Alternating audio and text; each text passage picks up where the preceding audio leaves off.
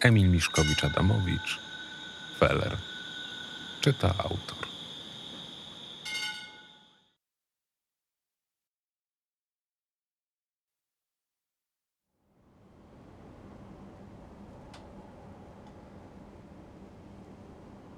Nie boję się zwykłych dni. Strach przed rutyną zniknął razem z pojawieniem się dorosłego życia. Odpowiedzialność, obowiązki i systematyczność, słowa, przed którymi broniłem się jak mogłem teraz, są częścią zwyczajności. Miasto, które tak dobrze znałem i uwielbiałem, powoli umarło. Z dnia na dzień zapomniałem, gdzie się chodzi, żeby uciec od normalności. Tak jest lepiej, spokojniej. Mieszkam, pracuję, żyję. Nikt i nic mi nie przeszkadza. Nie znam ambicji, pośpiechu, kontrowersyjnych ludzi. Nie marzę. Jest dobrze.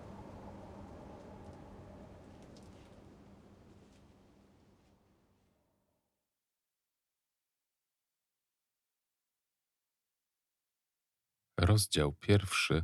Michał.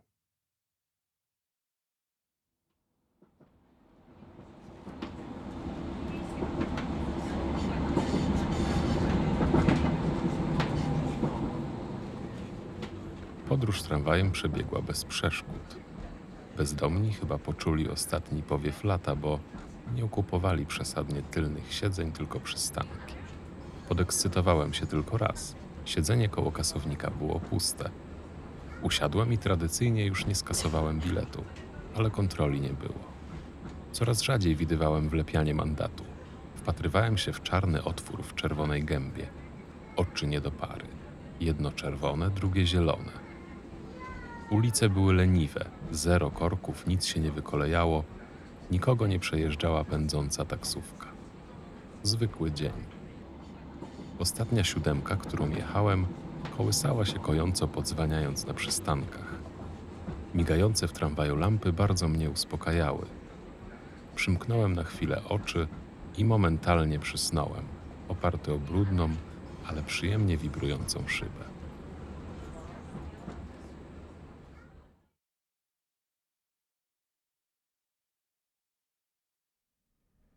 Obudził mnie nagły trzask pantografu. Tramwaj toczył się ociężale po dużym placu. Rozleniwiony usiadłem prosto i przeciągnąłem się. Motorniczy szykował tramwaj do snu. Nikt nie zauważył, że nie wysiadłem. Nie zdarzało się to pierwszy raz. Światła w wagonie były zgaszone. Panował półmrok, a lampy na ulicy ledwo się jarzyły. Wjechaliśmy do zajezdni. Plac przed hangarem był kompletnie pusty i pogrążony w ciemności, ale wiedziałem, gdzie co jest. Po prawej stronie bramy stał pojedynczy, mały i zniszczony budynek stróżówki czy świetlicy dla pracowników. Wszystko otoczone było starą, pordzewiałą i wysoką siatką. Patrząc do góry, można było zobaczyć pajęczynę linii trakcyjnych, które ginęły w środku budynku. Tramwaj bardzo powoli wjechał pod hangar i w końcu ucichł. Usłyszałem otwieranie drzwi kabiny motorniczego i jego kroki. Mężczyzna kręcił się jeszcze po wagonie, świecąc latarką i sprawdzając całodzienne zniszczenia. Skierował światło na kałużę czegoś różowo-beżowego, pewnie wymioty. Spojrzał na mnie niechętnie, ale nie zabrał się za sprzątanie. Wstałem, a on skierował na mnie światło latarki. Co pan tutaj, wysiadka?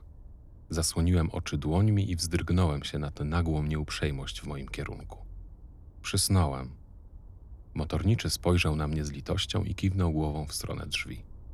Otworzył siłą wejście i usłyszałem echo wielkiego hangaru. Ziewnąłem i ruszyłem w stronę wyjścia.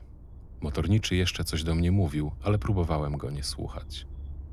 Ja wiem, kim pan jest. Pan jest tym zboczeńcem, co lubi się budzić w zajezdni po zamknięciu. Liczy pan na małe co nieco? Pan mnie chyba z kimś pomylił. Spojrzałem na niego z oburzeniem. Nie, nie, to pan. Pan to często zasypia w tramwaju, chłopaki mi mówili. Ale ja tam nie wiem, nowy jestem. Wyszczerzył zęby w uśmiechu, jakby liczył na pochwałę. Pójdę już. Wyszeptałem, czerwieniąc się okropnie, chociaż to, co mówił, było tylko w połowie prawdą. Na zewnątrz nie było już ciepło. Nie napije się pan ze mną może? Wszyscy już poszli. Usłyszałem jego głos. Nic nie odpowiedziałem. Idąc przez plac w stronę bramy, po lewej stronie zobaczyłem ruch i usłyszałem jakieś stłumione głosy i chichoty. Myślałem, że to znowu ten dziad, który najwyraźniej był bardzo samotny, proponując lokalnemu zboczeńcowi wódkę. Nie, żebym był zboczeńcem, ale on o tym nie wiedział. Odwróciłem się i już chciałem go ochrzanić, kiedy w świetle starego neonu z napisem stróżówka zobaczyłem dwie osoby: mężczyznę i chyba kobietę, wnoszących do budynku nieprzytomnego faceta. Szczupły mężczyzna trzymał go za nogi, a druga niezidentyfikowana i olbrzymia postać za ręce. Dupa nieprzytomnego ciągnęła się po ziemi, brudząc jego długi płaszcz. Stałem jak wryty, ale byłem pewien, że mnie nie widzieli. Było prawie kompletnie ciemno. Wtedy padło na mnie światło latarki motorniczego, który właśnie opuszczał hangar. Niby kobieta olbrzym spojrzała w górę i zauważyła, że się gapie. Tej, co to? Usłyszałem piskliwy męski głos dochodzący z dolnego końca nieprzytomnego faceta. Mężczyzna wypuścił jego nogi i odwrócił się w moją stronę z groźną miną. Trzeba było uciekać, bo nic dobrego stać się nie mogło, ale ja stałem w miejscu. Czyżby nieprzytomny facet nie był nieprzytomny, tylko martwy? To ten zboczeniec, co chłopaki mówili, odezwał się motorniczy. Marchlik, weź go stąd, bo jeszcze komuś rozgada. Głos niby kobiety był lekko przestraszony, ale przynajmniej wiedziałem już, że to kobieta. Mężczyzna Marchlik bardzo posłusznie ruszył w moją stronę. Kobieta opuściła ramiona śpiącego, martwego faceta, zostawiając go samego sobie. Leżał biedny na ziemi, wyciągnięty i teraz już cały w kurzu, ale nikt nie zwracał na niego najmniejszej uwagi. Tymczasem Marchlik zbliżył się do mnie i zobaczyłem na jego twarzy zagadkowe zaskoczenie. Już chciałem się odezwać, przepraszać, tłumaczyć, kiedy poczułem powracającą w nogach siłę i wybiegłem przez otwartą bramę z zajezdni. Coś za mną krzyknął, ale nic nie zrozumiałem. Słyszałem tylko własne paniczne myśli. Znalazłem w kurtce pogniecioną paczkę papierosów i zapaliłem. Obracając się co chwilę, żeby się upewnić, że ten szczurzy mężczyzna mnie nie śledzi, spaliłem cztery papierosy pod rząd. Już dawno nie byłem tak przestraszony. Zaschło mi w gardle. Przerażała mnie myśl, że mogli przenosić kogoś martwego. Ale pewnie to był tylko jakiś pijak. Chociaż nie wyglądał na pijaka. Normalny facet, stary garnitur, płaszcz. Tylko dlaczego ta baba się tak podnieciła, skoro to nie były zwłoki? Jezusie, pewnie były. Co ja teraz mam zrobić? Zadzwonić na policję? A jeśli się mylę? Próbowałem sam siebie uspokoić i zmusić do myślenia o czymś innym. Nic dziwnego się nie działo. Wszystko było normalne i zwykłe.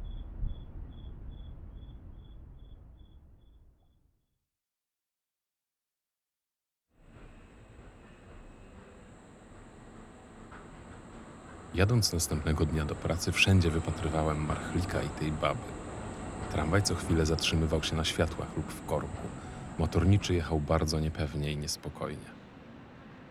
Wczorajsza przygoda wydawała mi się momentami nawet zabawna, ale i tak co chwilę przypominałem sobie wyraz twarzy tej przerażonej kobiety. Zwłoki to zdecydowanie nie moja działka.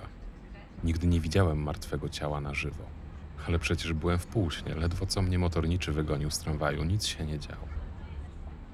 Pokusiłem się o nieskasowanie biletu.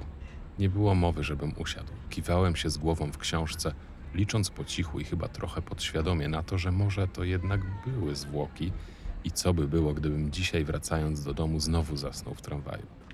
Jakaś baba szturchnęła mnie parasolem w bok, nie mówiąc nawet przepraszam, i wybiegła przez otwierające się właśnie drzwi. Niechybny znak kontroli. Zastanawiałem się przez sekundę, czy nie pozwolić się ukarać za jazdę na gapę, ale byłem już i tak spóźniony, więc skasowałem niechętnie bilet, udając, że dopiero wsiadłem. Co za głupota, naprawdę liczyłem na to, że to były zwłoki.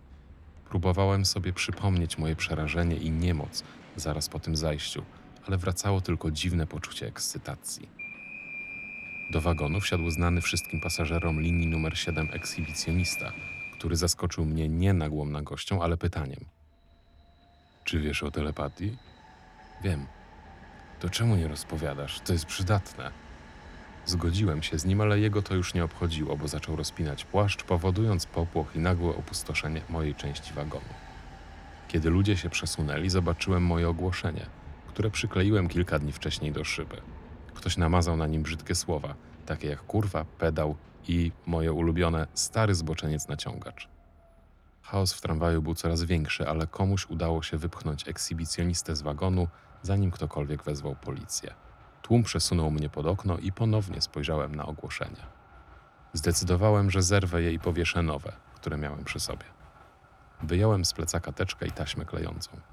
Trzymając wszystko w jednej ręce, sięgnąłem, żeby zerwać zniszczoną kartkę. Co pan robi? Odwróciłem się, bo pomyślałem, że to ten zboczeniec, ale nie, to jakaś młoda dziewczyna z poczuciem misji obywatelskiej. To jest czyjeś ogłoszenie, proszę tego nie zrywać. Miała srogą minę. To ogłoszenie jest moje, powiedziałem grobowym głosem. Takie jest ładniejsze i bardziej przyciąga wzrok. Uśmiechnęła się i zobaczyłem jej zabawnie koślawe zęby. Chyba nie byłem w humorze na rozmowy z obcymi. Nie potrzebuję lokatora, który lubi brzydkie wyrazy. To bardzo dla pana ważne? Aż tak to nie. Niespodziewanie wciągnęła mnie w rozmowę. Chciałem już się poddać i wysiąść, albo przynajmniej przejść wzdłuż tramwaju jak najdalej od niej, ale znowu się odezwała. Dobrze, to może pokaże mi pan. Pokaże? Penis. Co? Żartuję, mieszkanie. Niby dlaczego? Byłem zakłopotany i trochę wkurzony na żarty moim kosztem, ale mimowolnie się uśmiechnąłem. Bo chcę pana zgwałcić. Śmiała się, ale ja nie miałem w sobie tyle luzu. Nie nadaje się pani, powiedziałem. Żeby pana zgwałcić? Boże, dlaczego mi to robisz? Nie, w sensie może, nie wiem, robiłem się coraz bardziej czerwony. Zaczęły swędzić mnie uszy i tym razem naprawdę chciałem uciec. Czerwieni się pan. Spojrzała mi prosto w oczy, a ja myślałem tylko nad tym, dlaczego między przystankami są takie duże odstępy. To jak? Pokaże mi pan pokój? Szukam czegoś od prawie miesiąca, ale wszędzie tylko sami zboczeńcy. I kto to mówi? Jestem tylko prostą studentką, nic panu nie zrobię. Poza tym wygląda pan, jakby potrzebował trochę dodatkowej pozytywnej energii na co dzień. Dziękuję pani za troskę, ale jakoś sobie poradzę. Tramwaj zatrzymał się gwałtownie i tworzyły się drzwi. Praktycznie wybiegłem, nie oglądając się za siebie, z postanowieniem, że pójdę do pracy pieszo i stamtąd zadzwonię do gazety, żeby dać porządne ogłoszenie. Halo, niech pan nie ucieka. Nie obróciłem się, tylko zacząłem iść szybciej, ale widocznie niewystarczająco. Musi mi pan pomóc. Rozstałam się z chłopakiem i jestem praktycznie bezdomna. Nie poddawała się. Mimo, że prawie biegłem, doganiała mnie bez trudu, krzycząc na całą ulicę. Odwróciłem się gwałtownie i całkowicie pozbawiony poczucia humoru spojrzałem na nią poważnie. Już pani mówiłem, że nic z tego nie będzie. Szukam kogoś innego. Nawet mnie pan nie zna. Dyszała i miała zaczerwienione poliki. Z jednej strony była rozwiązaniem moich problemów, ale jej impertynenckość nie nastawiała mnie pozytywnie. Po chwili namysłu i patrzenia w chodnik zdecydowałem, że może chociaż raz warto zaryzykować i spróbować czegoś nowego. Spojrzałem na nią, ale nie odezwała się już. Chodźmy na kawę, poddałem się. Ludzie z poczuciem humoru to ostatnio rzadkość, a ona na dodatek wydawała się niegroźna i, miałem nadzieję, wystarczająco zwyczajna. Zadzwoniłem do pracy i powiedziałem, że nie przyjdę, bo jestem chory, jednocześnie próbując zagłuszyć jakoś szum miasta. W sumie nie obchodziło mnie, co sobie pomyślą. Dziewczyna uśmiechała się radośnie i szliśmy w milczeniu w stronę jedynej kawiarni w okolicy. Nawet nie tyle kawiarni, co cukierni ze stolikami. Nikt nic nie mówił, czułem się bardzo niezręcznie i starałem się na nią nie patrzeć. Kątem oka widziałem, że patrzy w swój telefon. Stanęliśmy przed wejściem. Próbowałem przepuścić ją w drzwiach, ale chyba tego nie zrozumiała, więc niezręcznie wszedłem pierwszy. W środku, oprócz lady i przeszklonych lodówek z ciastkami, były dwa stoliki obłożone ceratą w kratę. Podszedłem do markotnej ekspedientki i zamówiłem dwie kawy. Z mlekiem? Ekspedientka nie wyglądała na zadowoloną. Widocznie przerwaliśmy jej oglądanie telewizora, który ryczał z zaplecza. Obróciłem się i spojrzałem pytająco na dziewczynę. Tak, tak, z mlekiem i pączka. Wróciłem do stolika z pączkiem i chwilę potem kobieta przyniosła nam kawę, która po spróbowaniu okazała się kawą instant. Skrzywiłem się. Ochyda. Ochyda. Mam na imię Joanna, tak w ogóle.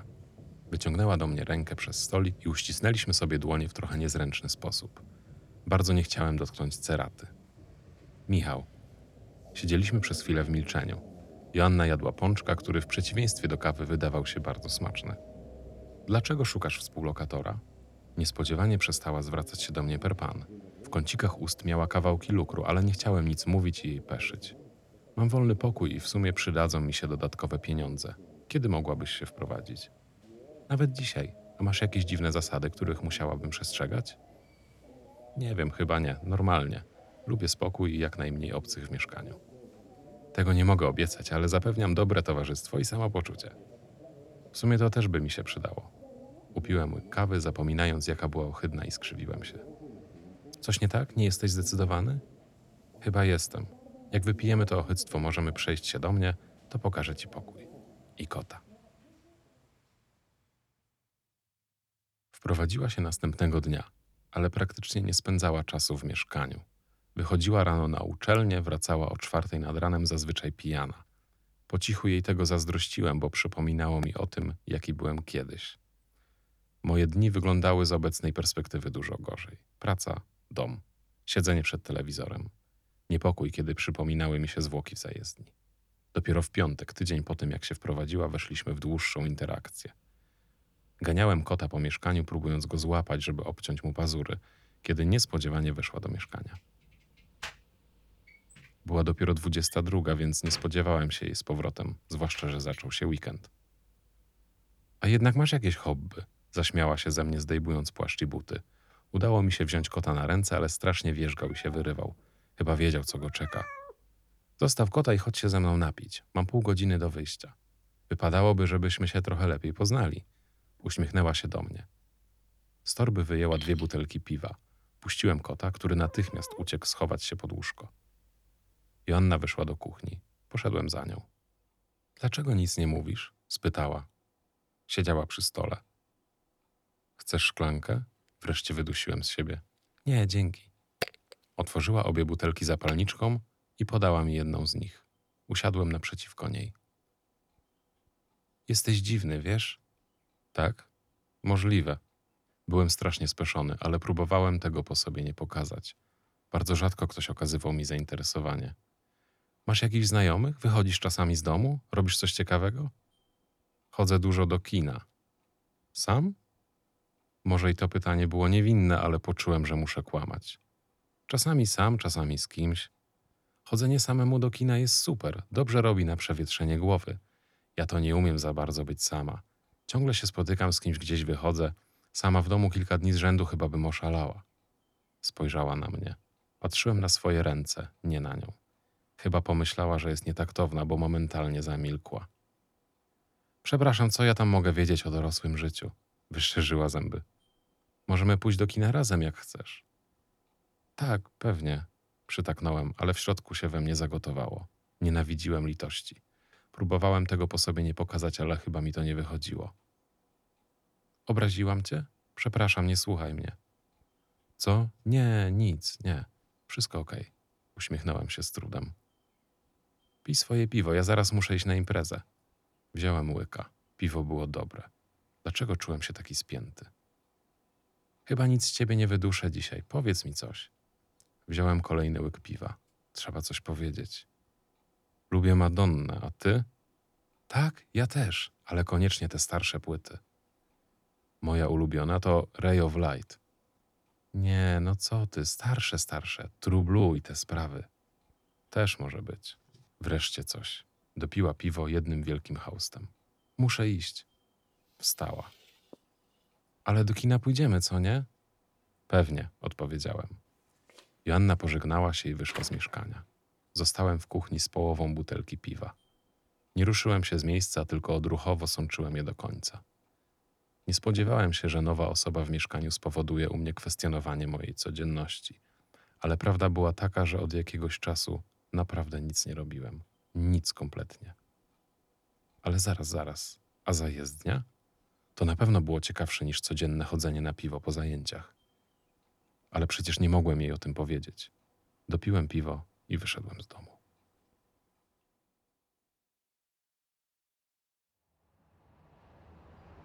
Znowu była 22.39. Znowu było cicho i ciemno. W odpowiednim momencie oparłem głowę o szybę i udałem, że śpię. Czułem się jak kretyn i ciągle ćwiczyłem w głowie, co powiem, kiedy obudzi mnie motorniczy. Modliłem się w duchu, żeby to nie był ten sam który oskarżał mnie o bycie zboczeńcem. Byliśmy już na ostatnim przystanku przed zajezdnią, kiedy ktoś wsiadł do tramwaju, ale nie otworzyłem oczu. Bilety do kontroli. Tego się nie spodziewałem. Otworzyłem oczy i zobaczyłem ich. Byli kanarami, mogłem się domyślić. Ta baba i marchlik, czy jakkolwiek się on nazywał. Wyglądali naprawdę komicznie. Ona wysoka i potężna, z czarnymi włosami i bardzo ciężkimi oczami. On bardzo szczupły, zasuszony, szaroblond, oczy jak kret. Podniosłem się z siedzenia i chciałem uciekać, ale było już za późno. Tak naprawdę nie powinni mi sprawdzać biletu, bo minęliśmy właśnie ostatni przystanek na trasie. Ale cóż. Niestety obawiam się, że nie mam. Serce biło mi jako szalałe. Chciałem przygody, to proszę. Zasuszony podszedł do mnie i okazało się, że z bliska jest jeszcze brzydszy. Patrzył na mnie, jakby chciał mnie przed czymś ostrzec, ale chyba było już za późno. Głupek. Włożył rękę za pazuchę i szukał czegoś, ale bez skutku. Odsunąłem się od niego, bo wydzielał niezidentyfikowany zapach starego mieszkania. Gromow. Gromow. Skończył mi się bloczek. Co za dziwny wyraz. Gromow. Wiem, że tylko sobie to wyobraziłem, ale poczułem, że tramwaj się trzęsie, kiedy ta olbrzymia kobieta ruszyła w naszą stronę. Była trochę jak nosorożec. Chce pan zapłacić na miejscu? Nie mam czym. Wyjąłem swój dowód i podałem go tej kobiecie. Miała zaskakująco niewielkie dłonie, które kompletnie nie pasowały do olbrzymiego ciała. Spisała moje dane, wręczyła mi mandat i właśnie wtedy przejechaliśmy bramę zajezdni. Tramwaj wjechał do hangaru i ucichł. Zgasły światła, a ja myślałem o tych zwłokach. Pewnie będę następny. Gromow z zaskakująco małym wysiłkiem wysiadła. Zaraz za nią Marchlik i ja. Chciałem biec, ale z drugiej strony coś kazało mi doprowadzić mój ubogi plan do końca. Oczywiście w moim planie nie było ani mandatu, ani tym bardziej konfrontacji z jakimikolwiek żywymi ludźmi. Dobranoc. Marchlik ukłonił się łagodnie. Zaskakująca uprzejmość od kanarów. Wyszedłem na nieoświetlony plac. Marchlik i Gromow, razem z motorniczym, który wydreptał z hangaru, poszli do stróżówki. Neon nad wejściem złowieszczo migał, albo po prostu migał ze starości. Uczucie złowieszczości było tylko we mnie. Szedłem bardzo powoli. Coś mi mówiło, że to jeszcze nie koniec. Kiedy zniknęli w środku, poszedłem w ich stronę, zgięty w pół. Plac przed zajezdnią był zaciemniony, więc raczej nikt mnie nie widział. Drzwi były otwarte, ale nie słyszałem żadnych głosów. Zapalały się tylko papierosy, dzwoniło szkło i odkręcały butelki. Alkohol, przepisy BHP. Przypomniała mi się hydrozagadka i czar prysł. Poczułem się jak kretyn i zobaczyłem siebie jakby z góry, kucającego za winklem z przerażeniem i chorą ekscytacją na twarzy, jakbym robił coś niebezpiecznego. Prawda była taka, że motorniczy miał rację. Zachowywałem się jak zboczeniec czyhający na swoje ofiary. Już miałem się wycofać i nawet się podniosłem, kiedy padło zdanie, którego kompletnie nie zrozumiałem. Czasami naprawdę nie mam siły do tego tajnego konsorcjum. W mojej głowie pojawiła się przerażona twarz Marchlika. Jego głos brzmiał, jakby bardzo się bał, i było czuć, że zbierał się na odwagę, żeby to wyznać. Nikt mu nie odpowiedział i znowu panowała cisza. Głupi ja przejąłem się na tyle, że potknąłem się o jakąś rurę, która wydała okropny, przeciągły dźwięk. Intuicyjnie rzuciłem się do przodu i wspiąłem na ogrodzenie. Zeskoczyłem na chodnik po drugiej stronie, rozdzierając sobie przy tym kurtkę i schowałem się za budynkiem. Z zawęgła wychyliła się głowa motorniczego, ale byłem dobrze schowany. Odczekałem jeszcze chwilę, żeby się upewnić, że nikt za mną nie wylezie. Po minucie ruszyłem do domu, nie spalając po drodze ani jednego papierosa. Kiedy wszedłem do mieszkania, było już grubo po północy, ale nie mogło być mowy o spaniu. Chyba jeszcze nigdy w życiu nie byłem tak podekscytowany. Pierwszą rzeczą, jaką zrobiłem, było otwarcie słownika. Konsorcjum. Słyszałem już kiedyś to słowo, ale nie byłem pewien, co oznaczało. Słownik powiedział mi, że konsorcjum to związek kilku przedsiębiorstw zawarty w celu dokonania wspólnego przedsięwzięcia. Czyli chyba coś na dużą skalę. Mafia? Trzy mafie ze wspólnym celem? Od razu przypomniały mi się zwłoki. Przestałem kompletnie się już oszukiwać. To były zwłoki, martwe ciało ludzkie. Nie oszukujmy się, było milion możliwych logicznych wyjaśnień tego, co usłyszałem, ale najciekawsza z nich składała się na jedno. Coś było nie tak. Poczułem nagle bardzo silną potrzebę podzielenia się z kimś tą historią. Chciałem też dowiedzieć się więcej, ale kompletnie nie wiedziałem, jak się za to zabrać, gdzie szukać.